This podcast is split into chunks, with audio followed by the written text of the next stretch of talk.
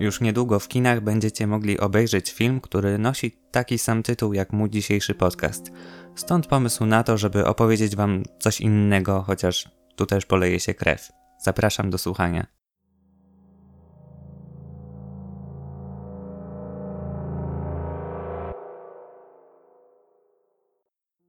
Są takie miejsca na świecie, gdzie płaczące małe dzieci straszy się Lajoroną. Mówi się, że jej objawienie to zwiastun niebezpieczeństwa albo rychłej śmierci kogoś z rodziny. Legenda Lajorony ma swoje źródło w Meksyku i mimo iż istnieje bardzo wiele jej wersji, to za każdym razem opowiada ona o płaczącej kobiecie ubranej w białe szaty. Jej duch pojawia się w pobliżu rzeki, żeby opłakiwać swoje martwe dziecko, Pochodzenie samej legendy bardzo często datuje się na okres kolonialny.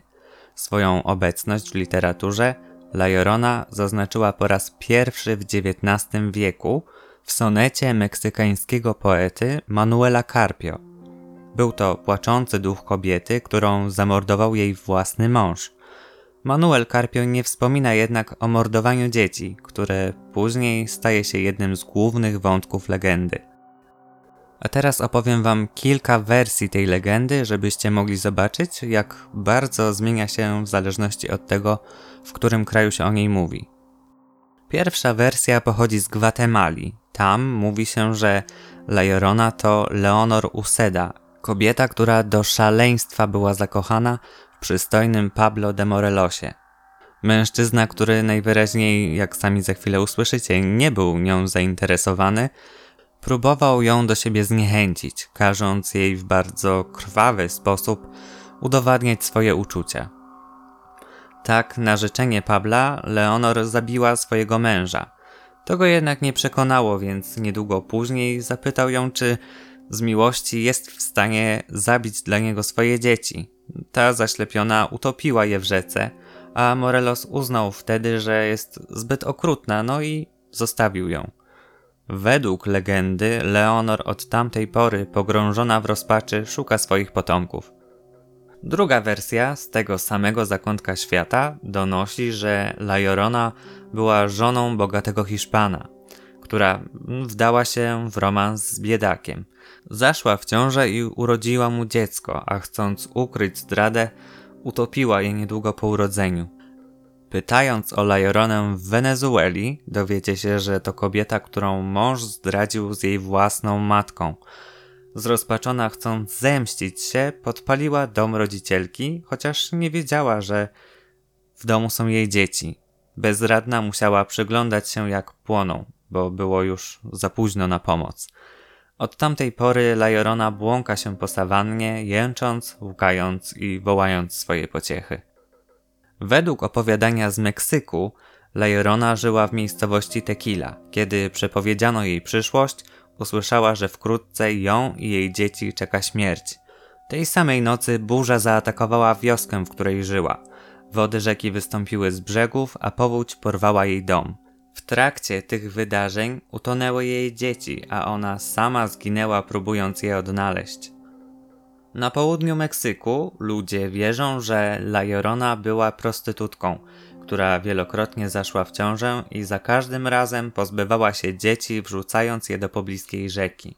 Kiedy wreszcie sama zmarła, Bóg powiedział jej, że nie będzie miała wstępu do nieba, dopóki nie przyprowadzi ze sobą wszystkich potomków, których zamordowała, Następnie kazał aniołom ubrać ją w białe szaty i sprowadzić z powrotem na ziemię, żeby odnalazła ofiary swojej bezwzględności. Od tamtej pory dusza kobiety pałęta się po ziemi, bezskutecznie próbując zlokalizować swoje potomstwo. Według badaczy wyobrażenie Lajorony jest prawdopodobnie połączeniem dwóch postaci – Pierwszą z nich jest jedna z azteckich bogiń, która nazywana była barbarzyńską bestią i przynosiła złe nowiny i nieszczęście. Druga to urodzona około 1502 roku Indianka Malinche, kochanka i tłumaczka hiszpańskiego konkwistadora.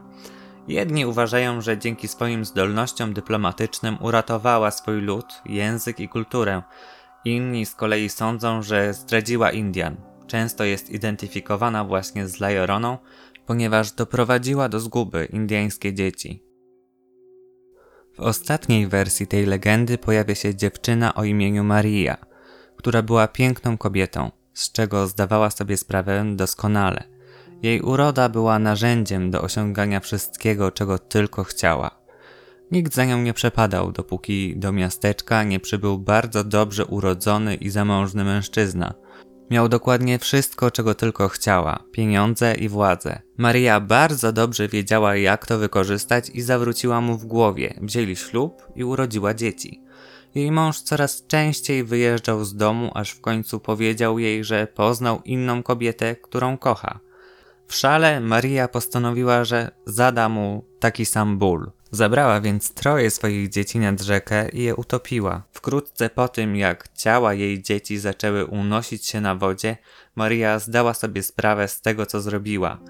Nie mogła tego znieść, więc sama popełniła samobójstwo, topiąc się w tej samej rzece. Zaświaty nie potraktowały jej łaskawie i na zawsze została skazana na niekończącą się tęsknotę za swoimi dziećmi i ich ciągłe poszukiwanie.